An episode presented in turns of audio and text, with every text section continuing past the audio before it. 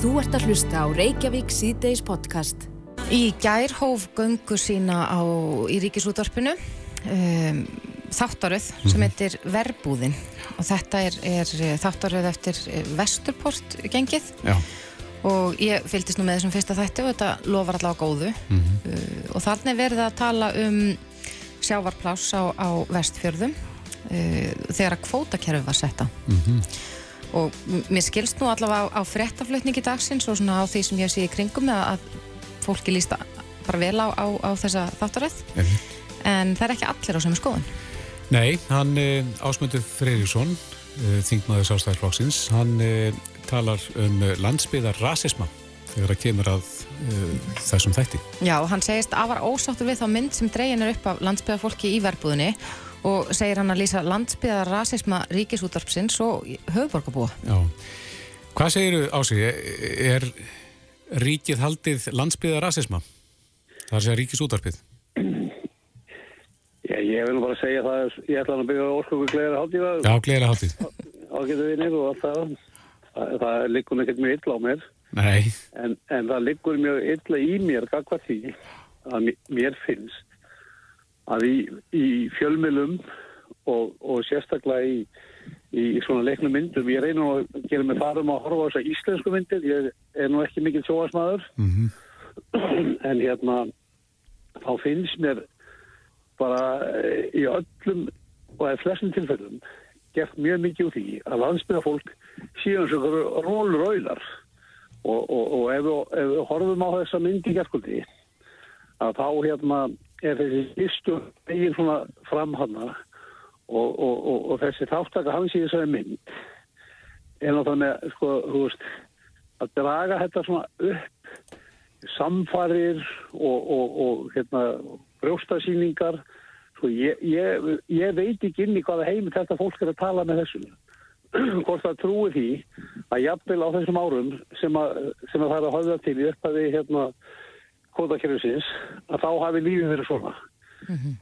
Akkurat á þeim tíma þá var ég, ungu maður yfirvextjöfi einu stæðsta fiskvinnsluhús í landsins með um 400 manns í vinnu og reysa verbúð það sem að hérna auðvitað gekk ímist á í verbúðinni.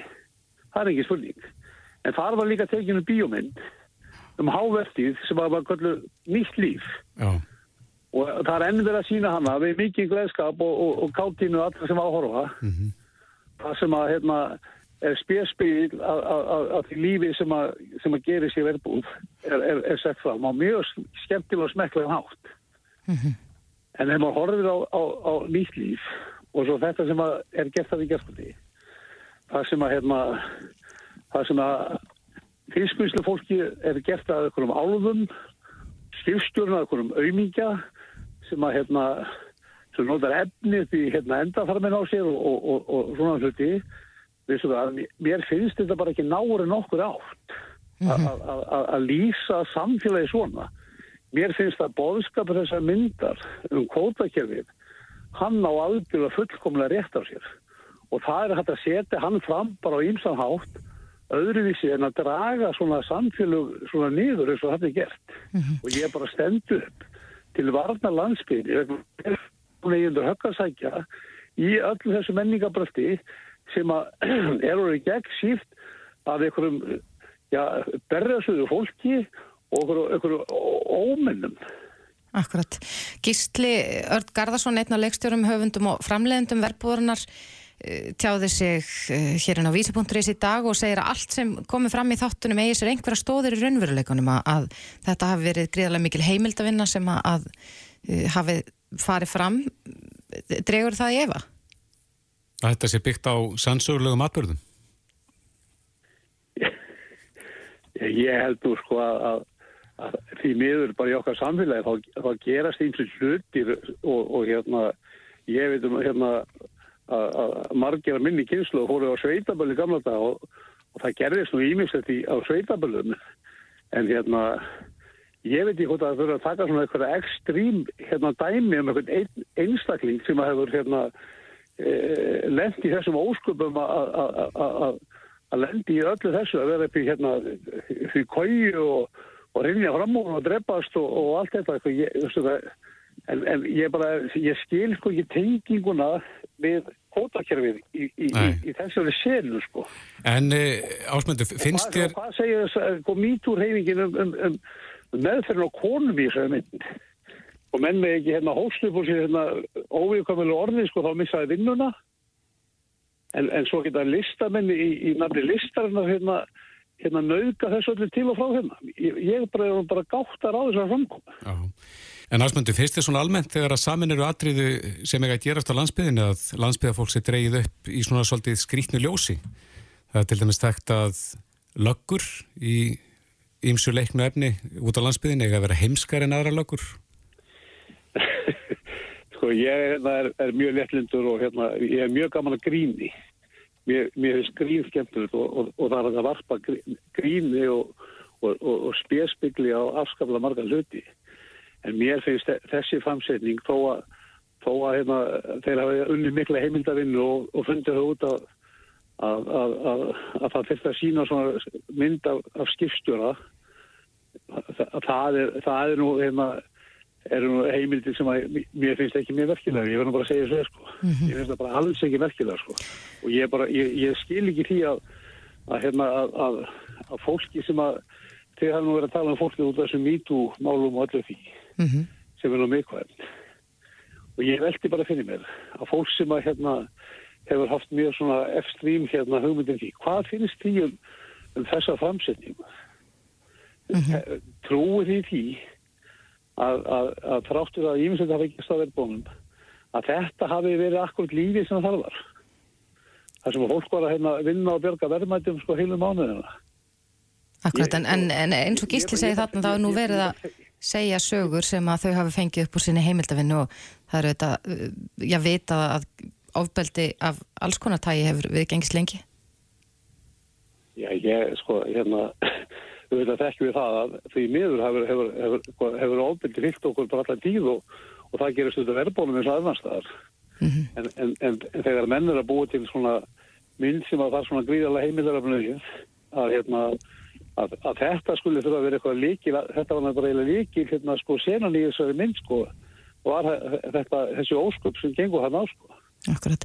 En ásmundur þú, Og, rekkandi froslu og, og svona ég bara áttaði mig ekki á þessu bara. nei, en, en þú talar bæði þarna um, uh, sko, landsbyðar rasisma ríkisútvarpsins en einnig höfuborgabúa. Finnst þér þetta vera, já, lenskana að, að uh, fólk sé með fordóma fyrir landsbyðinni? Já, ég held að sé alveg neskan. Ég er bara, það, er alveg þannig. Og, og, og bara landsbyð, það er bara á mörgu leiti oft litið niður á landsbyðina og, og hérna og, það hefur fólkum mitt haft samband með mér núna í morgun og, sendt mér skilabóð um það að það hefur verið varað við því að fjölskyldu sínum og vinnum að, að flytja nú ekki á þetta náplis og, dittin og dattin og þarna sé allt í volli og ég hef bara fengið svona viðbúið líka og ég þekki þau bara sjálfur Já. til miður, þá er þetta svona og þetta er bara á öllum stöðum, þetta er svona í pólitíkinni og þetta er bara allstaðar Já. Ásmundur Freyriksson, uh, það má lesa þessa fæsliðina nánar inn á fjersbókar síðunni þinni. En uh, kæra þakki fyrir þetta og, og gleðilega rest. Já, og gleðið dag og kæra vinn og takk fyrir samstarfa og liðin ári Sömulegis. Vertu með í umræðunni.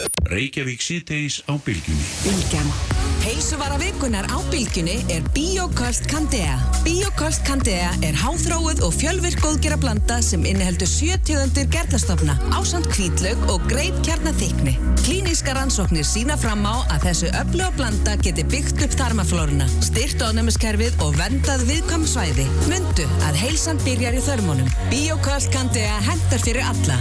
Einnig fyrir börn, verðandi mæður og konur með barn á brjósti. Biokost Candea fæst í apotekum og heilsuheitlum stórmarkaða og er heilsuvara vikunar á bylgjunni. Jólin eru til að njóta. Ekkert ves í des. Krónan. Rótarskot fást á flugeldamörkuðum björgunarsveitana. Slísavarnafélagið Landsbjörg. Gamlástag á stöðu 2. Kryddsíld verður á sínum stað á stöð 2 á síðasta degi ásins. Við fáum til okkar formenn stjórnmálaflokkana til að gera upp árið sem er að líða og leggja línutnar fyrir það nýja. Ríkistjórn Katrínar Jakobsdóttur var að taka við völdum. Aftur. Var það stöðnun eða stöðuleika eða jafnvel framfarið. Það fer alveg eftir í hvern þú spyrð. Og við munum spyrja. Og því má gera ráð fyrir hressilegum skoðanaskiptum, en einnig gleði og glaum. Já, við verðum í hátíðaskapi, báum til okkar landstækta skemmtikrafta og greinum að sjálfsögðu frá vali á manni ásins. Kryddsnýtt í beinni útsendingu. Gamlársdag á stöðu 2. Tríður áskrift á stöðu 2.is. Lokað í dag. Útsalan hefst á morgun.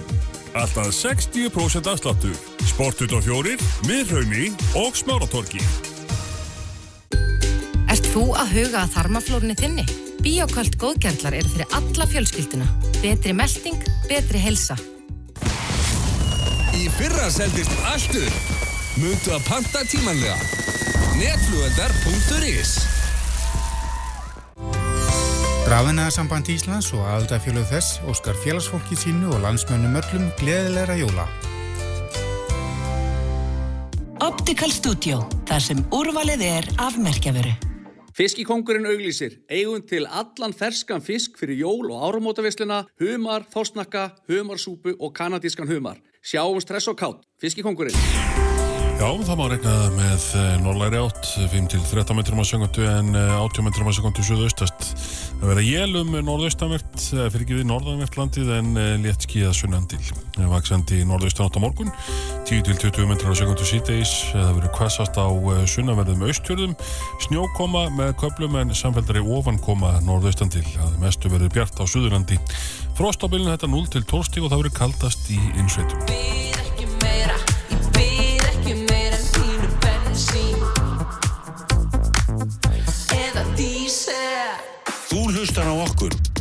Hlustum á þig. Reykjavík síðdeis á bylgjunni.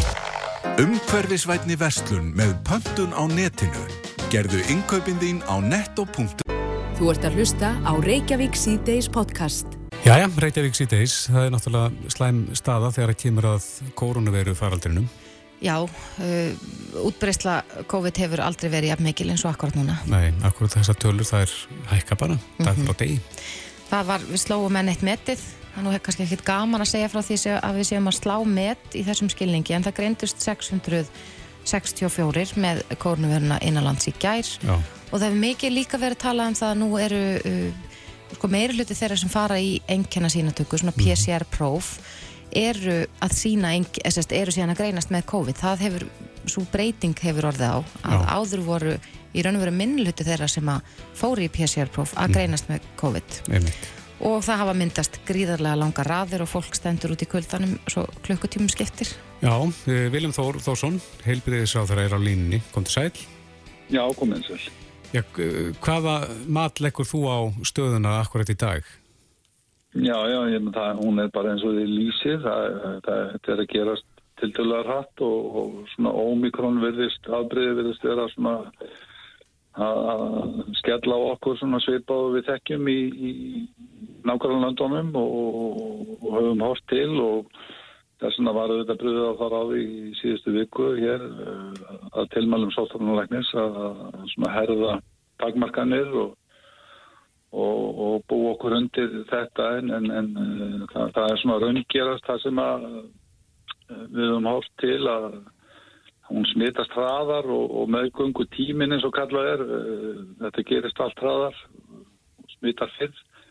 Þannig að við erum að sjá tölur hérna sem við kannski höfum ekkert að horfast í augu áður. Að móti kemur og það er óvisa um það hversu, hvað, hvað, hvað, hvað, hvað áhrif þetta muni hafa á innlagnir því við verðum auðvitað alltaf að horfa á okkar e, spítalakerfi sem að þarf að taka á móti og, og göngudeldinni og, og svona þeim hefðbundu að, aðferðum aðgerðum sem við höfum notað eins og, eins og sótkví og, og, og, smitrækningu og, þess áttar varnar viðbröð.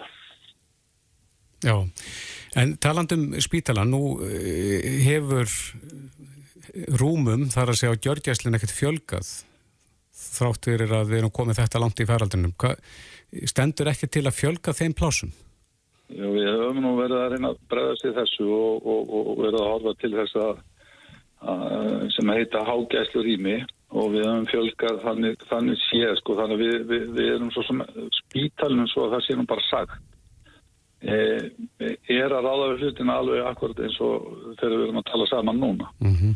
og það eru síðast síðast ég fekk tjólu voru 14 innilíkjandi voru fjóra innlagnir í gær og, og fjórir á gjörgæslu En, eh, en það þarf lítið út af að bregða ekki sett viljum til þess að, að það skapist ófremdar ástand á spítalunum. E, jú, sko, það, þetta, þetta tengist bara allri starfsemi í spítalans. Það er auðvitað ímyndilegt annað sem að bjáta á eins og gengur og það gengur í bylgjum og það er alltaf kem, koma svona álagspunktar á bráðamótöku og, og kjörgæslu og allt hefur þetta áhrif og það sem hefur svona tröflað er að, að fólk sem er búið að hljóta meðferð komist á eh, svona í, í, í framhaldina af því. Þangað sem það þarf að fara ímynd í aðra meðferð eða í hjúkurinn og svo framvegis. Og við erum bara að vinna eftir hörðum höndum uh, að bæta við, það eru þetta búið að bæta um, ansi miklu við uh, tugum, tugum rýma frá því, frá því bara í ágúst þegar þessi bylgja skalla okkur með delta afbreyðinu og einhver, einhver 54 rými ef ég mann það rétt bara, bara frá því þá og og allt árið er tekið á ykkur 140 rými en, en svo hefur þetta bara fylst og við erum bara núna að leita að, að rýmum út um all land og í samfunni við allar stofnarnir og allt kerfið til þess að, að losa um það á spítalunum. Það léttir á öllu, öllu kerfinu inn á spítalunum. En nú hafa verið svona, maður veit ekki hvort að þetta sé sennilega bara þessi sóttvarna þreita sem hefur mikið verið talað um hérna í þessum faraldri, en fólk hefur verið að kalla eftir því að það verði slakað á sko kröfunum um sóttkví og einangrun. Þórulega Guðnarsson sóttvarnalæknir hefur nú reyndar sagt að það hefði mjög alvarlegar afleðingar ef að við myndum hætta með sóttkví og einangrun. Sér þú fyrir þér að það, það verði eitthvað breytt þessum reglum að fólk sé ekki í einangrun í eins langan tíma en það erum við farin að sjá líka svona samfélagsleg áhrifin af því hversu margir eru uh, já, svona úr leik í einhver tíma. Já, það eru þetta ansi margir þegar smittin eru þetta mörg, þá eru margir sem að fara í sótkví og, og, og þetta er orðið ansi að hátala og, og breytist rætt og þá fer ímislegt í okkar samfélagi að- þá verður, verður svona skörði í okkar samfélagi og innum ímsu greinum og, og, og það eru þetta erfitt viðregnur og meðal annars er þetta bara að koma niður á mönnun í heilbriðskerfinu og þannig að það auðvitað verður að sko, sjá bara hvert framaldi verður í því samlingi á móti kemur að þetta er í dag erum við sótkví svona til samræmis við það sem aðra þjóðir í Evrópu er að gera og þetta er talið eitt helsta vopnir og eins og sóttamnalæknir hefur oft, oft dreigið fram þannig að við en þetta er auðvitað bara í stöður í skoðun. Við verðum auðvitað að gera bara það sem við þurfum að gera og getum gert og smitrakningin hefur, hefur svona líka verið einfölduð og, og í dag er þetta er, að þetta er það útbreytt að það er ómögulegt að kannski rekja þetta alveg þangað sem að smitið kann að hafa átt í staðins og kannski gátum fyrst en, en, en núna er allavega fólk klukkað og færi upplýsingar og þetta er svona sjálfvirkar heldur en var. Já, en svo fáum við líka fréttir að því viljum að e, það er að segja sínatökur og sínatökur röðin er komin á þólmörkum þannig að fólk látið húka úti í, í löngum röðum í, í kulda og bleitu Já, e, er, er komið að eitthvað tímapunkti þar? Þarf að fara að breyta eitthvað um aðferð við sínatökur ég hlustaði að Óskar einmitt hjá einhver uh, í morgun. Og við höfum alltaf í góðu sambandi við, við helsugjastluna og, og það var svona skapast álaspunktar þegar hann lísti því ágætlega að þeir letti því í gæra það, það, það, það er fimm sem ekki skiluðu sér í vinnu í gæra og það er svona allir einhverjum töfum, töfum sem að undu upp á sig.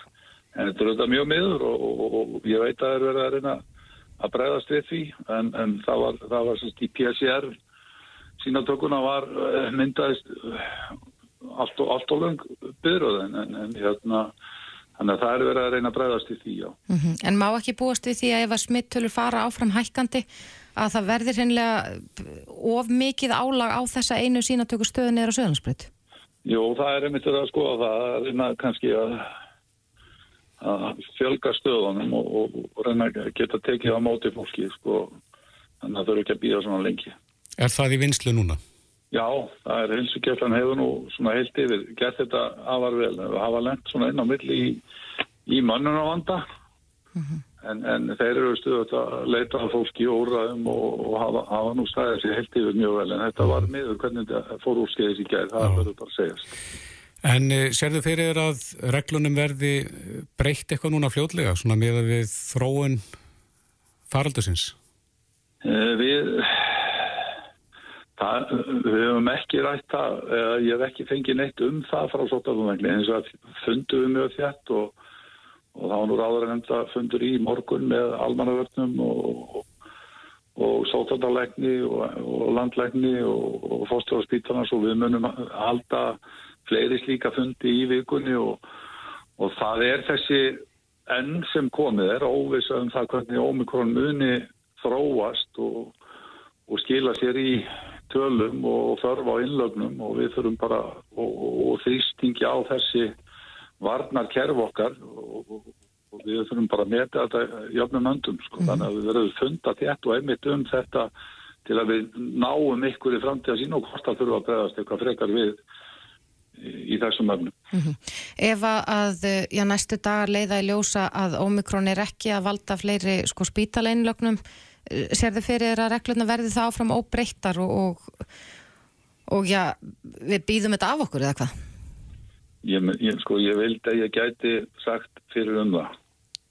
Því að það er oft, oftast þannig þegar við erum í óvissu og þá þurfum við að fá eitthvað svona fast í hendi og horfa á einhverjar svismyndir en, en, en bara því miður er bara ofst nefnt að segja til um það. Og, og það er verið að dýna saman tölur bara núna þessa dagan til að sjá hvernig þetta fróast og svo erum við alltaf að reyna að miða við þá sem eru aðeins á undan okkur í, í, í þessum ómikrón, í þessari ómikrón sveiflu. Mm -hmm. Erum við helst að horfa til Evropalanda í dagbárust fréttir af því að Ástralir ætlir hennilega að leifa uh, ómikrona að ganga yfir? Já, maður hefur einmitt fylgst með þessu en við hefum aðlega verið að horfa til Danmörkur og, og Noregs Noregur kannski, Danir eru aðeins á undan Mm -hmm. svo er svolítið sérstaklega að sjá að svíjan er verið ekki að, verið skoma setna inn hjá þeim Þannig að já, er, þetta er bara dagleg, daglega að vera að reyna að týna saman upplýsingar sem við getum eitthvað klokka okkur á stöðun en svo verður við kannski ekki fyrir í endan á þessari viku að, að við sjáum hvernig eh, þetta afbreyði reynist er, og eins er verið að skoða þetta afbreyði hvað árið það hafi á samengi við bólusetningar og örfunabólusetningar svo það meðs. Mm. Viljum Þór Þórsson Uh, helbyrðis á þeirra. Kæra þakki fyrir þetta og, gleðilega hátíð eftir. Miklu frekar, gleðilega hátíð. Þetta er Reykjavík C-Days podcast.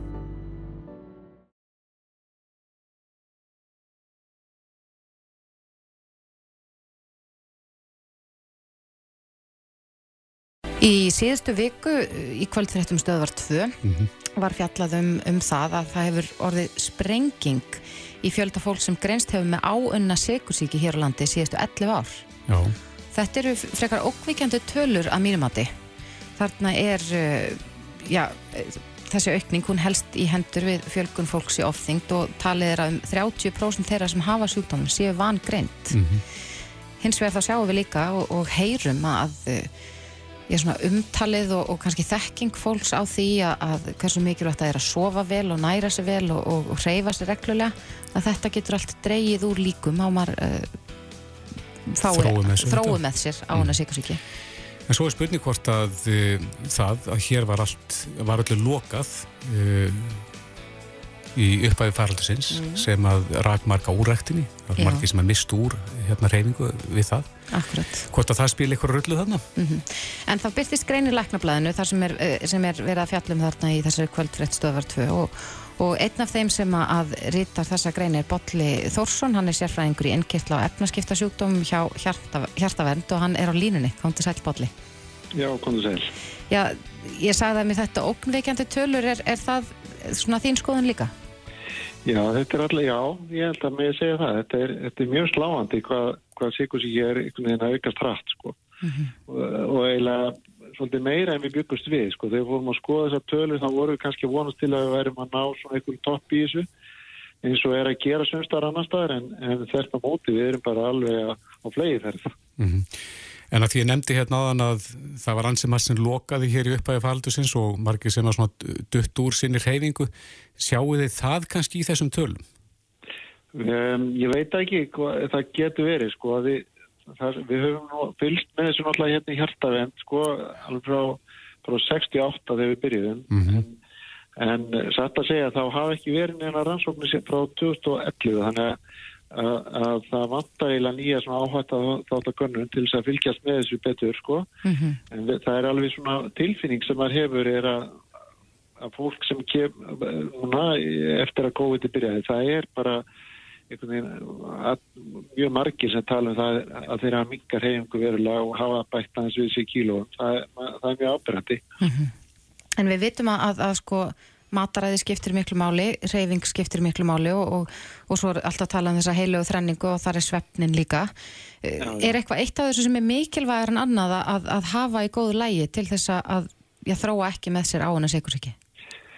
sko eh, þyngdin eða já, þyngdin er eiginlega svona sterk, sterkust eh, það hefur svona sterkust fyl- fylgt við sikursíkina þannig að, að það að reyna að halda þyngdinni í svona niðri, það, það dregur úr líkum að fá sikursíki þannig að það er svona aðal þátturinn sem við sjáum Já, þannig að mataræði skiptir þá mestu máli. Já, mataræði og e, hérna e, mataræði og reyfing og þetta, þetta hangi náttúrulega alls saman sko. En, en, en svona upp á þingdin að gera þá skiptir mataræði kannski hvað, hvað mestu máli. Og, og að því að þingdin hefur svo mikil áhrif á, á líkundar að fá sykursíki þá, þá vegur það kannski þingst Já, en þetta er, þetta er mikil aukning og, og uh, við sjáum hérna á 11 árum að, að sko fjöldin hefur tvöfaldast ekki sett? Já, meira en það sko Meira en það. Tvö og hálft, já Akkurat, en, en hvað er það, hvað hefur gerst á síðustu 11 árum sem gerir þetta verkum? Er þetta verra mataræði fólks eða reyfingaleysi eða bara bæði? Sko þetta er nefnilega ekki endilega vera mataræði ef marka má sko rannsóknir á mataræði ísleitinga er nú held ég bara nýbúið að gera rannsókn en þó að sé ekki búið að byrtana á mataræðinu og e, þá kannski koma þá betur ljós hvort að mataræði sé að vestna en fram að síðustu könnun þá hefur mataræði verið, ekki verið að vestna það hefur heldur verið að, að lagast sko. þannig að það er, það, það er svona það er ekki augljóst að það sé verra mataræði heldur en áður sko. Nei, en sko við höfum líka heyrt um það talað uh, hér undan farin ára að sko hraðin í lífi fólks er orðin meiri. Það er alltaf allir að drífa sig allt og maður er með rosalega margt á sinni könnu og, og, og þá mögulega grípum maður í, í svona kannski tilbúin og jafnvel óhaldari mat. Getur það spilað inn í?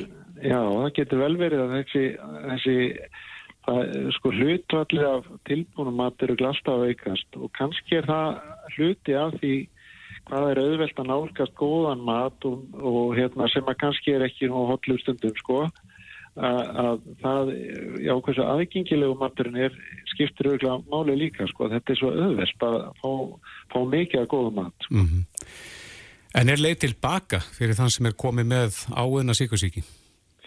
Sko ef minn á að grenna sig að þá gengur sigursíkin oft tilbaka og, og, en tilnefingin er til staðar sko. Þeir sem hafa fengið, hafa, fengið sigursíki og líka konur sem hafa fengið sigursíki á meðgöngu að þeir hafa þessa tilnefingu en það er ofta að, að snúa þessu við og halda þessu niður í bara mörg, mörg ári en menn, en menn á að grenna sig og koma sér svolítið í betra form. En til að ná þessum tölum niður, þetta er uh, súlan eða það er að segja línan er, er bara upp á við og hefur verið núna síðustu 11 ár. Uh, hvað leggur þú til? Hvað, hvað á að gera? Ge- Geta yfirvöld eitthvað grepið inn í? Sko það, það er nú sko menn er náttúrulega glíma við þetta sama allstaðar í raun á svona eiginlega allstaðar í heiminum sko og bandarækjumenn hafa nú svona kannski verið, eh, verið fyrstir með það að þingjast mikið og sekursíkinu aukist mikið þar og þar hafa með gripi til svona persónulegra sótt, eh, hérna, heilsugjæslu sem er beint gegn fólki sem er í miklum áhættuhópum sem eru oft ungir og það sem sigurinn aðeins fann að hækka að þá er, hafa svona lífstilsbreytingar sem eru svona persónu legar, það er að segja persónlega ráðgjöf í heilsugjæslunni og, og það farið yfir lífstilin og svona að, þetta hefur gefið góða raun vestanhafs og, og þannig að einhvers konar einhvers konar svona aðgeri væri náttúrulega mjög gott að sjá hér sko. Já, en, en þið talið um hér að, að eh, talið sé að um þriðjungur þeirra sem er með sikursíki séu vangreindir og að ómeðhandla sikursíki geti valdið margs konar vanda. Eh, Hver eru helstu enkenni áunnar sikursíki? Það er, það er nú sko vandin kannski við sikursíki að hún er enkenna laus sko nema síkurinn sé orðindaldi hár sko. Það er að segja, það, maður þarf að vera komið svolítið langt inn í sjúkdómi til þess að vera að fá mikið lenginni sko. Mm. Þannig að best er náttúrulega að greina þetta í blóðpröfu, bara í að mæla blóðsíkurinn. En, en svona enginni er eins og þorsti og þreita eru kannski svona, og, og tíð faglát, það eru helst enginnin sko. Já, þorsti, þreita og, og tíð faglát.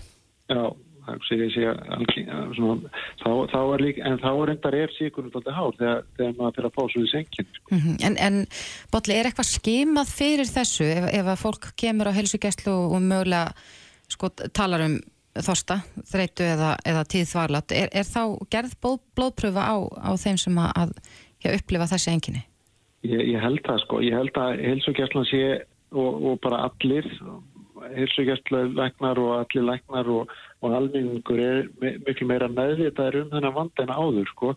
Þannig að þessar tölur sem vorum að tala um 30% svona var þetta í síðustu ámáttu átta hvernig hjartanendar. Mm. Það gæti vel verið að þessi þetta hlutvall sé minna núna við vitum það bara ekki en, en það er líklegt að sé verið að, sko, að greina sigursíkina betur mér það nú svona með við já það er allavega mín tilfinning mm -hmm. og við náttúrulega vitum það ekki alveg sko því að við þurfum að gera rannsókn á þessu, við þurfum að geta kalla inn fólk og bara í rannsóknir til þess að svona, svona hóprannsóknir til þess að sjá hvernig tíðnin er og hvernig hver margir eru vangrendir og svo framvegi sko. Akkurat. En til þess að þessi þróun halda ekki áfram upp á við eins og hún hefur verið að gera er þá mikilvægt að fólk já, svona, hugi að sínum lífstil? Það verið styrrað sko það, það, það er það er einhvern veginn ekkert annað í raun og veru sem að skýri þetta heldur en það að fólk er að þingjast og, og hérna og maður sér eða grennist og eða fyrir að reyja sér betur þá lagast sykursíkin þannig að þetta er alveg skipt sambald sko. Mm -hmm. þannig, þannig að þetta er eitthvað lífstíl tengt sko. Já, hvetja til reyningar og uh, að gætað mataræðinu, þetta eru bara fín uh, loka orð Takk fyrir það. Bodli Þórsson, sérfræðingur í innkirtla og efnaskiptasjúkdómum hjá Hjartavend. Takk fyrir spjallið. Takk, blóðlis. Reykjavík, Reykjavík síðdeis á Bilginni podcast. Þjóðinn tala vallum annað heldur en stöðuna í þessum faraldi. Nei, en það kannski ekki, ekki furða vegna þess að staðan er uh, já, allt önnur heldur en hún hefur verið. Mm -hmm. Við erum að sjá smittölur sem við höfum ekki séð áður Einmitt. og auðvitað nýtt afbríði sem að er að, að já, þeir sem er að greinast með Omikron þeim fyrir fjölgandi dagti mm. Það er ímsar svona rattir á lofti hvernig á að bregðast við hvernig á að bregðast við í þessari stöðu sem við erum og Jón Ívar Einarsson læknir, hann skrifar grein sem að byrtist inn á innherjanum, inn á vísi.is mm -hmm. með fyrirsagnina Siglum Bárun Akkurat og þarna er hann að í raun og veru, já svolítið að fjallum það að við vorum að binda svakalega miklar vonir við bóluefnin mm -hmm. og við höfum verið gríðarlega döglega við það að mæta í bólusetningar. Við höfum nánast bara held ég efst á heimsvísu og það var þar mm -hmm.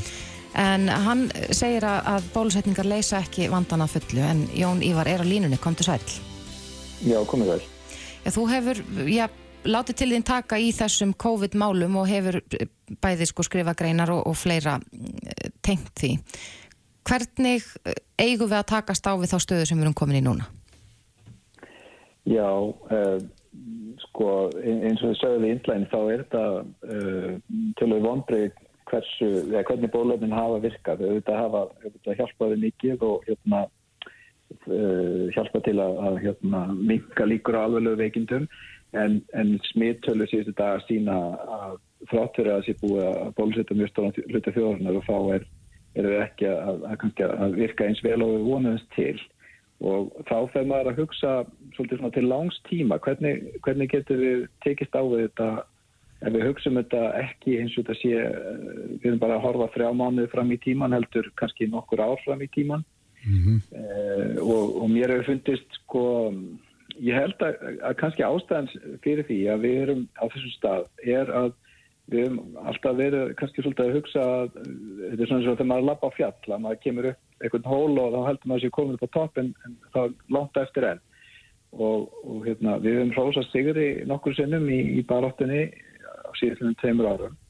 En það hefur alltaf verið í rauninni talsín og, og nú, nú síðast síðasta sumar var, var, var, var fullirt að við höfum komið gott hjarðánæmi og þetta verið í rauninni bara nokkur neginn búið en, en það er greinlega ekki því miður uh, raunin og, og það var að hugsa til langs tíma hvernig getur við lifað uh, nokkur neginn eðlugur lífi uh, og lámarka skadan á samfélagið en án þess að að mjög, mjög margir veikist illa þessar veiru. Þetta er mjög erfiður balans held ég. Já, en þú segir í greininni að öllum ætti að vera ljóst að við getum ekki bólusett okkur út á vandanum en, en þú hallmælir ekki bólusetningunum sjálfu. Nei, ég, ég hef aldrei gert það nema uh, hjá vissum hópum hef ég sett spurningamerki þar að segja börnum en ég held að, að, að bólusetningar hafi algjörlega uh, hérna sinn stað, þetta er bara mikilvægt vopn í, í baróttinni en, það er, en bólusetningar hins vegar ekki virðist ekki vera að leiða til hérðunum þess vegna þess að hún virðist eh, ekki hérna, minga líkur að smiti nægilega vel og, og áhrif bólusetningar virðast líka hjáðna tölvöð trætt í niður Uh, en uh, varðandi sagt, yngri hópa þá, þá hef ég aðeins sett varnagla við það og meðal annars var að byrsta skrein núna bara á jóladag eða það er að segja út, semst, endur reikningur á ákveðnum upplýsingum um bólusetningu sem að, sem stýnir kemur fram að hjá kallmönnum yngri en 40 ára þá eru hærri líkur á hjartaröðabólgu eftir bólusetningu af Moderna og eftir þriðu bólusetningu af Pfizer heldur en af því að fá COVID. Uh, vissulega hærri tíðni á hjartaröðabólgu eftir, eftir COVID-síkingu hjá öllum hópnum, hjá öllu þýðinu en hjá þessum uh, undir hópi að þá verðist vera hærri tíðni á hjartaröðabólgu og, og, og, þessi hópur hefur líka mjög litlar uh, litla hættu á því að fá COVID. Það er, er ekki hjá hraustum einstaklingum í þessum hópi er ekki mikil hægt að búin. Mm -hmm. þannig að e, þetta er svona en, en, en yfir yfir allt þá er bólusetning vissilega hérna mikilvægt verkveri og, og ætti að halda áfram með hana og það er sennilega að gefa þessu örfum skamta bara næstu ári myndi ég halda jafnvel, kannski sex mánuða fresti, sérstaklega þá áhættu hópum og eldur fólk, fólki. Mm -hmm. En sko, maður hefur nú heyrt það svona út undan sér að já, fjölmargir í kringum mig hafa sagt sko, nú er bara spurningum ekki hvort heldur hvenar maður smittist vegna þess að smittin orðin það útbreytt og þú minnist á það í greininni að, og segir það er líka ljóst við munum að endingu flest smittast af þessari óværu og að sóttvarnar aðgeri drægi það einugis á langin og síðan herðum við líka fréttir á því í dag að til dæmis eins og Ástralja ætlar reynilega að leifa ómikrona að ganga lausum hala er, er það Já. besta leiðin út úr þess að reyna að sem flestir fáir hennilega veiruna og jafni sig á henni og, og við fáum þannig hjarðanum í Já, ég held einmitt sko þessi en þessi minnist á þarna í greinni þá held ég að Omikron sko það eru gögn frá nokkurnu löndi núna sem að vera spendi þess að, að hún veldur ekki eins uh, svestnum veikindum og, en er mun meira smitandi. Og það er þá kannski, þú þurfum þá að taka svolítið meira því okkar aðgerðum vegna að ef enn meira smitandi veiru þá þarfstu að loka samfélaginu enn frekar til þess að hérna, uh, stemma stegur útbreyslenar og ég held að efast um að, að við, þessi stemming fyrir því að gera það uh, sérstaklega ef við erum að horfa til langs tíma þá er kannski betra finnst mér að reyna að undirbúa samfélagið eins vel og hægt er. Það er að segja bólusetjins marka og vilja örðunar bólusetja uh, jafnvel setja á stopn, uh, stopnun sem geti sérstaklega tekið við COVID-sjúklingum. Þar sem eingis vinnur fólk sem, sem er á þeirri stopnun en er ekki að blandast við aðra útsetja aðra sjúklinga og svo framvegis. Ég, ég held einmitt að þetta hef ekki verið gert vegna þess að við höfum við alltaf verið að halda að þetta sé alveg að vera búið, þetta er alveg að vera búið og þá þurfum við ekki að plana til langs tíma. En, en ég hugsa að, að við þurfum sennilega að gera það. Uh, kannski verðum við heppin og omikron uh, hérna, ef að þetta omikron enginni hérna, uh, ef þetta omikron hérna, afbreyði fer út um allt og smittar bara náðast alla og, og veldur það miklu hjarðofnæmi hugsanlega En, en ég, mér finnst kannski líklega að, að það komi þá eitthvað fleiri afbreyði eftir kannski fjóða til sex mánuði og, og ég held að þurfum að undirbú okkur undir það. Það er að segja að bú okkur undir það versta en vonaði besta. Ég held að mm. það sé náttúrulega ágættis leið. En er ekki þess að sóttvarnar ástafanir einmitt til þess að komi vekk fyrir að eh, allir síkist á sama tíma? Það er að segja að það er verið að reyna að verja helbyrðistjærfið. Jú, algjörlega og maður hefur auðvitað mikið skilning á því. Þetta, þetta er alltaf mann kannski afhjúpa svolítið hversu veik staða landsbyttalans er en, en nú erum við búin að vera í tvö árið sem faraldri og uh, gjörgjasturýmum var fækkað í faraldrinum, uh, fráflæðivandin var ekki listur í faraldrinum.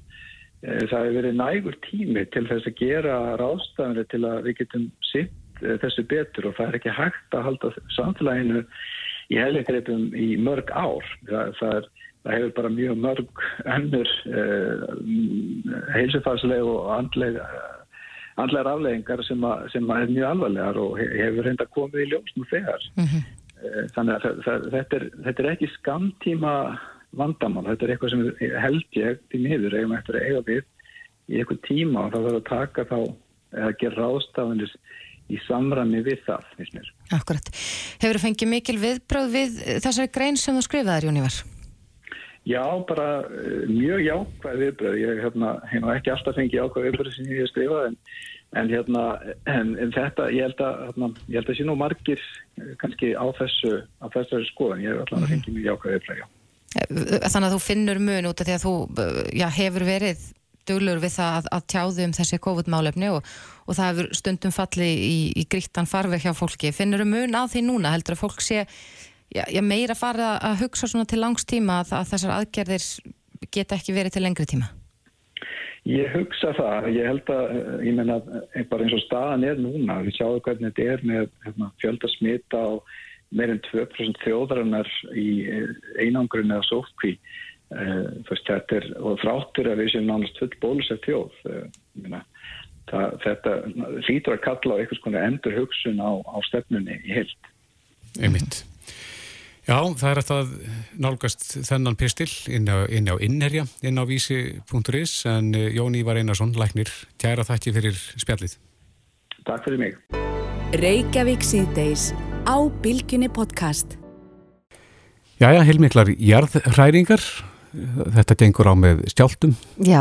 Höfuborgabúar og suðunesja fólk orðið löngu vant þessu, maður finnur þetta ekki maður finnur engar hristing fyrir austan Nei, ég vaknaði við hristing morgun, ég trúi samt ekki að segja viðkynna að þetta var eitthvað um nýju leiti sko, ég svafa eins út í morgun. Já, já, en ég vaknaði við hristing heimi á mér upp í, í bara miðsvæðis í Reykjavík. Já. og þetta hefur verið, já, ansið mikið upp á síkastu og það, sko, svona aðteklisverðast að finnst mér að, að þegar þessi skjáltar hérna byrjaði núna E, e, í raun og veru þá bara í byrjun árs mm -hmm. áður en að byrja að gjósa í gældingatölum að þá kipti maður sér upp við hvern einasta skjálta Já. nú er þetta bara orðið svona eins og, og hluta af manns daglega lífi að bara það hristist aðeins og svo bara heldur maður áfram að gera það sem maður var að gera Akkurat, í talnum þegar að skjáltarnir mælast í þúsundum mm -hmm. stykja En það, það voru frettir af því hér í kvöldfrettatíma stöðvar 2 að þar var eldfjallafræðingur að segja að þetta verði nú bara svona næstu 100-150 ári. Já, það er eins gott að venja sér við þetta. Já, og svo er, er líka fréttir uh, af heklu. Nú almanna, hafa almannavarnir og lauruglustjórn á Suðurlandi mm -hmm. ákveða að virka SMS-skilabóð sem verða sendt til fólks sem að fer inn á fyrir skilgrind svæði umhverjus heklu. Já. Út af því að það, um, já, ef að fólk er þarna þá er lítill fyrirvari til þess að bregðast við ef eldgós hefst. Akkurat. Þorvaldur Þórðarsson, professor í eldfjallafræðum, er á línunni, kom til sæl. Já, góðan dag. Tengjast þessi svæði eitthvað? Það er að segja Suðunissin og, og síðan Hekla? Í sjálfsögðu tengjast það vegna þess að þau náttúrulega eru á blötu skílun sem liggja sem sagt uh, svona ská yfir landi. Já. En uh, hvað kvíku var það þá er engin bein tengt, þannig þau eru ef þú ert að hugsa um kviku kerfin þá er þetta alveg óháð hvort öðru Já, akkurat. En hvernig metur þú stöðuna núna á, á mögulegu gósi? Við byrjum bara á Suðunisum. það er nú uh, alveg líklegt að, að þetta sem er í gangi núna sé fyrirbóði gos og, og uh, svona menn telja að við skemum á því kritísku punkti núna þannig að þetta er eitthvað fyrir að gringa og kannski þá einna mest í Móhássadal hérna þetta aðeins austar í gamla. Er það nýr staður? Já, hann hefur verið, hefur verið skjáltafn á honum áður og var, var fyrir árinu sko, í, í stóru þununni en, en hérna, og þannig að það er kannski ekki inn um óvart að þau skjáltar þar en það er hugsanlegt að, að það tengist á einhverju kvikur heimingu það og svo náttúrulega er greinilega verið að dæla kviku hann upp undir færdarsjálfi Já, þannig að þetta er gósi á hvoru stanu sem er sko. akkurat. En Þorvaldur, er, sko, við munum öll eftir því þegar að jörð skalf mikið hér í upphafi árs áður en að fóra að gjósa í, í geldingadölum. Er, er, er þessi skjáltar hérna svipuð eh, henni? Erum við að upplifa það sama aftur? Það, eh, Minnstur á henni virðist vera svipa. En, en, en uh, bæði tíðni skjálta og, og stærð skjálta er, er tölvöld minni. Miður við það sem að það eru upplýsingar sem að fá frá viðstofun. Þannig að þetta er svona eh, heldur minna um sig þannig ekki.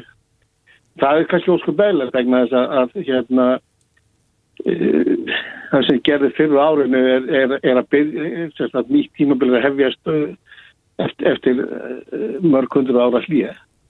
Já. Þá, þá er þetta að leysa sp- spennu og læðingi og, og, og það losna mest spennan í upphafi en, en síðan núna er þetta sem sagt kannski spenna sem er meira byggjast upp fyrir það að kvík er að sapnast fyrir tilturlega grund og, og, og þannig fennja kerfið út og þannig mynda spennan og þá skjáltana. En þessi, þessi tveir staðir sem að nú eru líklegir, eða þeir staðir sem eru líklegir að gós komi upp á, eh, eru þeir fjari mannabyggðum? Já, já, það, þeir eru það, en þeir hafa kannski, eh, hérna, ef góðs kemur upp á þessu mismöndi stöðum, eru áhrifin mismöndi, þannig að þessi skjálta sem hafa verið að tegja sig þarna alveg niður í áttirinn áttagakrikanum, ef þeir eru vísbending á það að krikan sé kannski að reyna að brjóta þessi leiðu bara, þannig að ef það kemur til goss á þeimsta, þá er suðustandavegurinn náttúrulega í tölverðu hættu. Eh, eins líka hafa verið skjáltar og, og erum það að segja að byrjaði undir stað sem heitir Littli hrútur sem er alveg mist í færútarfjallinu og ef að kemur því góðast þar að þá náttúrulega er, er sviðismyndin aðeins önnur því að, að þá hallar landinu kannski aðeins til norður og hugsa þetta hraun þarf þá að flæði hjálpa að kemla og, og ef það kemur upp í Móhásadalum þá eru er, erum við með enn eina sviðismyndina sem að, að byggja fyrst og fremst á reynstunni sem hefur fyrir gósum á krísjöfukerfinu eins og gerðist á miðja 12. og þá gauðs náttúrulega á mjög langri reyn sem náði frá raunaður alveg söður eh, hérna jáðri Reykjavík skarans og alveg norður undir Helgafelli sko. Þannig að það, það, þetta er svona já, sviðsmyndar eru mismunandi og, og áhrifin ef það kemur upp í kost á þessu stöðum þá get- getur orðið aðeins frábúið því sem við- káum fyrir árum. Akkurat. Vísindaráð fundaði í dag, eh, ég heyrði af því í fréttum og, og eh, já, miljón dollara spurningin er auðvitað svo sko hvort og þá hvenar og jafnvel hvar, hvort að fara að gjósa. Ef þú þyrtir að, að, að svona, já, giska, myndur þú halda að fara að gjósa aftur í, í geldingadölum eða þarna reikjarnisunu fyrir áramót? Ég, ég ætla að Þetta er erfið spurning, við vitum það. Það er farið veðbáðin. Ég, nei, eiginlega ekki. Ég þetta, mér finnst það kannski ekki, ekki kannski það líklega þetta. En ég geta náttúrulega ekki e, sagt af það frá, sko. En, en mér finnst svona með þetta gangi nýða sem eins og hann er núna og það er eitthvað aðeins að hægja á að, að, að uh, góðs kannski geti komið strax eftir áramótin, veikar en fyrir áramót. Já. En, en uh, Ég held að verðum að, þetta er alveg núna svona doldið á pínundu kritisku punkti þannig að ég held að verðum bara að býða með svo, svoleiðis kannski yfirlýsingar Mhm.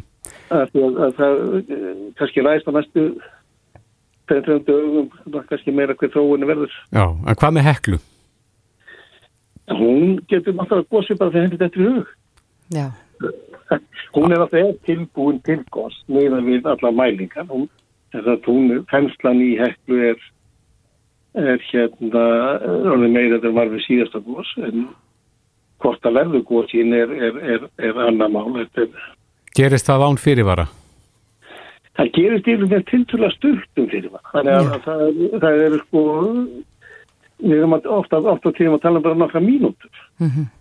En sko, sjá menn stundur svona einhverja breytingar nokkrum dögum áður. Þannig að uh, það er kannski, það er, þeir fyrirbóða kannski er ekki alltaf þessar fyrirbóðar um gós en, en, en geta verið það.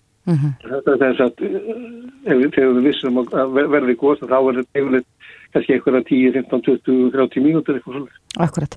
En Þorvaldur, þú ert prófessor í eldfjallafræði. Eh, Hefur þetta ár verið, hefur, hefur upplifað önnur eins ár eins og þetta hér sem að er að, uh, já, því líkur núna bara í þessari viku? Já, ég verð nú, verð nú að viðkynna það. Ég hef nú lent í því áður, sko. Það er, uh, og það er að fara, kannski ekki átti langt aftur í tíman, hvað það var þar. Það er góðs á Hawaii sem að stóð í, í 35 ár Akkurat. og, og maður var, var svo sem uh, hérna, kom aðeins að því þó, þó, þó það er kannski frekar litlu mæli. Uh, síðan var ég náttúrulega á Nýja Sjálandi þegar að Rúa Peihu tók sér til og og gauðs og það stóð í, í eh, rúma átján mánuði svo góðsvina af og á þannig að maður þurfti alltaf að vera viðbúinn þar sko.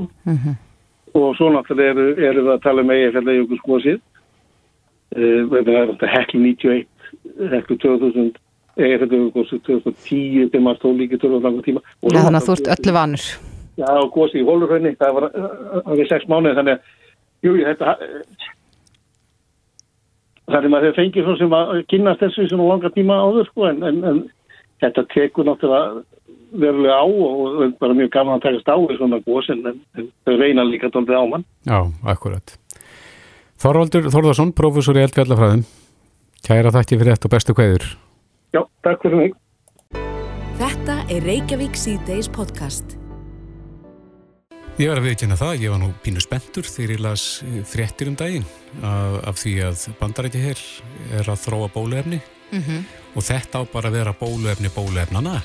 Talaðum að það þurfi bara eitt skamt Já. og þetta sé svona universal ef ég sletta þess. Þetta virki þá allar típur og öll afbyrðið af koronavirun. Já, það er gert ráð fyrir því að bóluefni verði kynnt ofinberlega á næstu vikum.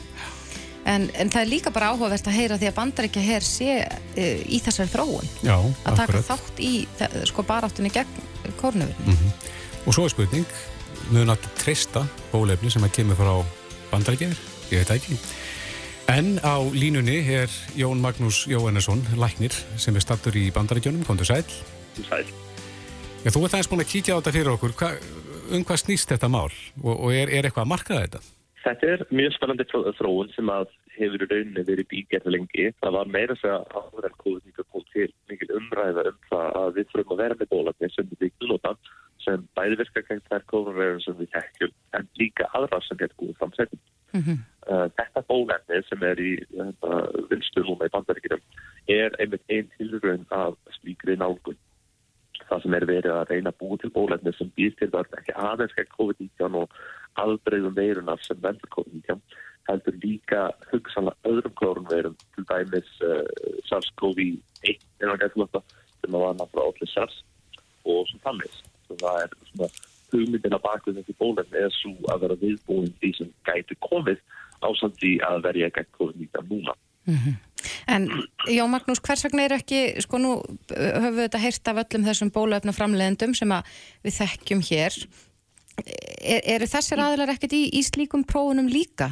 Hvers vegna er bandarækja hér að gera þetta en ekki stóru lifjafyrirtækin? Þetta er sem sagt eh, í virðslega Walter Reed Army Institute sem er sem sagt vískostofnir undir bandarækja herfum og hefur hullið reynar í svolítið miklum uh, bólsendingvinnu undan þarnum átöfum því að bandarækja herrin er það víða í heiminum og er það útsettið fyrir einsum kvipnum sem að uh, hefðbundi bandarækja maður er ekki svo að það er mjög vilt í svona skottun en uh, það sem að kannski uh, skipta þessu upp í tætt í rauninu. Það er fyrsta lagi þegar að vera að gera bólefni gegn COVID-19 dæmis, þá er áherslan lögð á síkilinn sem veldur COVID-19 til þess að geta markvist brúðist við honum og það er oftast fljóðbara ferðlega en hitt að búa til bólefni sem að virkar gegn mjög mörgum mismöndi veirum. Það krefst þess að þú uh, finnur svæði sem er sammeilegt hjá öllum kórnumveirum og þú getur búið til ónæmisvar gegn því til það þurfum að finna það öðrulega þurfum að staðfesta þetta við getum myndið ónæmisvar gegn því svæði. Og þrjulega þurfum að finna þetta gegn allar tilurina sem þarf til þess að fróða bólefni og þetta er langt ferli og miklu lengur en við endur verðum stað að við vitum að gett prótínið uh, sem að uh, hjálpa SARS-CoV-2 sem er COVID-19 að bindast við frumar okkar við vitum svona cirka hvaða svæði skipta langt mestu mánu þar upp á ónæmisvarið og upp á að verjast gegn sjúkdómi. Ah. En við vitum mjög minna um það hvaða svæði í þessu prófíli uh, getur við ráðist á með ónæmiskerfun okkar sem er sameilegt með langt flestum af þeim kórnum sem getur skipt mánu þann. Svo þess vegna hefur það svona beðið svolítið ekki lengt tíma þráast. En þetta er eitthvað sem hefur náttúrulega í miklu mæli verið rannsakað bandið flensu. Já, spurningin er alltaf, við erum með þetta flensubólefni sem er ekki, uh, við erum ekki með bólefni sem er eins gott og við myndum vilja og það er að reyna að búa til flensubólefni sem virkar það gegn öllum aðtöðum flensuverðna, en ekki bara þeim sem kemur aðast af. En við hefum heyrt um RNA bóluefnin sem er, er nýjung sem hefur verið að beita núna. Er það ekki hérna Moderna og, og Pfizer bóluefnin? En þetta er svo kallað SPNF bóluefni.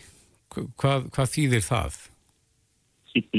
Þetta er sem sagt, uh, maður hugsa um þau nota ákveð prótín sem er í líkamannum okkar sem er ferritin. Þetta er prótín sem annað bindur í ár en er líka prótín sem að bindst við aðrar önnu prótína sem ekki er og myndar í rauninni eins og ringlaga búr uh, sem að getur hútið utan um önnur prótín. Svo að þetta er eins og já, marg, uh, margdiða eins og fókbótt í rauninni sem að getur sítt síðan mörg misböndi prótín á yfirborðinu sinni. Svo þetta leiður okkur að ekki bara vera með eitt svæði af prótíninu eða hljóðan sem gæti prótíni kórnveruna. Þetta gefur okkur mögulegan á að sína marga misböndi hliðar af því prótíni marga misböndi svæði og fara þetta út til óhumisvar gegn mörgum misböndi hlutum af kórnverun og mögulega þá auka verndina gegn öðrum kórnverun en ekki bara SARS-CoV-2. Mm -hmm. Bindur þú miklar og svo er þetta mm, ég, ég ætla að spyrja þig, bindur þú mikla vonu við það að, að já, þessar rannsóknir og þessar prófanir muni ganga vel og að, að við munum reynilega að fá þetta bóluefni sem að vera okkur gegn öllum kórnuverum maður svona villur bjart því það sem að skipt miklu máli hérna er að uh, þetta bólefni hefur aðeins formulega verið rannsakað þess að við miðstunnar úr dýratilrunum sem svo fór klíniskum rannsókn.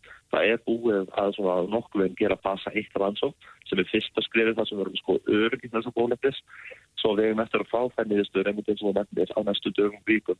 Ég held að við þurfum að býða eftir því til þess að geta að segja svona fyrstu tölur en það sem hefur komið út hinga til úr klíniskum rannsókn gefur alveg ástæð til björnsing Já. en hvort að þetta uh, eins og við getum orðað að náttúran er uh, flókin og hvort að þetta dýr fyrir allar konur sem getur mögulega verið að valda vandamálum það er eitthvað sem við þurfum að uh, kannski vera auðvitað svartfíkni með en þetta er fyrst að skrefið í áttinni að því að finna bólefni sem við getum notið til að koma í vekk fyrir vandamáli sem getur komið í staðin fyrir að bregðast við eftir. Já, þetta hljómar vel en e, það er eflags margi sem að spyrja sig af hverju herin í, í þessum rannsóknum?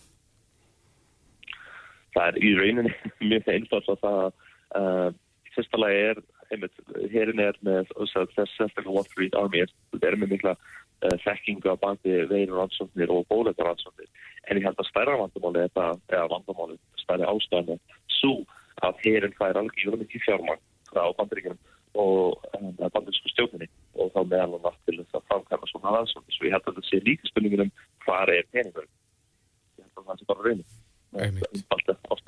Já, það verður spennandi að, að fylgjast með því þegar þetta verður kynnt í sögunar á næstu vikum eins og framhefur komið í fréttum. En Jón Magnús Jóhannesson, læknir við bara uh, sendum kæra hverju uh, vestur til bandarækina þar sem þú ert stattur og, og uh, gleðilega hátíð Gleðilega hátíð Hlustaðu hvena sem er á Reykjavík C-Days podcast Jæja, það er heldur betur fara að stýttast í annan endan á þessu ári Já, örfáður dagar eftir, Já. áramót á föstudaginn. Einmitt og uh, þá verður þessi þáttur með breyttu sniði því að þá verður við fyrirhátti og þátturum fær nafnið Reykjavík árdegis. Já, það verður örugglega bara smá erfitt að mæti vinnu klukka nýju. Er það ekki? En þá ætlum við einmitt að gera upp árið og, og partur af því er að uh, tilkynna hver Mhm. það verður sem að hlýtu nafnbótina maður ársins 2021. Já, en það bárast um 7000 tilnefningar í Mhm. gegnum vísi.is og í símatímanum hjá okkur hér í Reykjavík. Já. Það hafa aldrei verið fleiri Nei, og ég verð bara að segja að allir þarna þessum lista ættu eh, að, að seppa nafnbótina maður ársins. Já, það verður erfitt að sjá hver, hver hérna reppir hann að lokum Mhm. en uh, þetta fólk sem er á þessum lista getur svo sannlega verið stolt. Svo sannlega. Þannig að það þarf mikið til. Og ég fara hans yfir listan, snöggast, Uh, á línunni er Kolbjörn Tumi Daðarsson sem ætlar að gera það. sem ætlar að gera það með okkur. Sæl, Tumi. Góðan og blessaðan. Eh, hvað stendur vali lengi? Hvað geta lesendur vísis farið lengi inn á vísi og, og valið? Heyrðu, það er mánudagur 27. Við ætlum að halda þessu opni til miðgudagsins. Mm -hmm. Þessu líkur í hátinu miðgudaginn, 29. desember. Akkurat. En Tumi, ég ætlaði nú að fara að stela þessu af þér að fara að fara yfir listan en getur þú aðeins farið yfir með okkur hverjir eru tilnefndir í Ég ár? var, ég var að hugsa að byrja til hvað þið verið að hringja mig hérna. Æ, við kannski hefðum bara átt að sleppa því.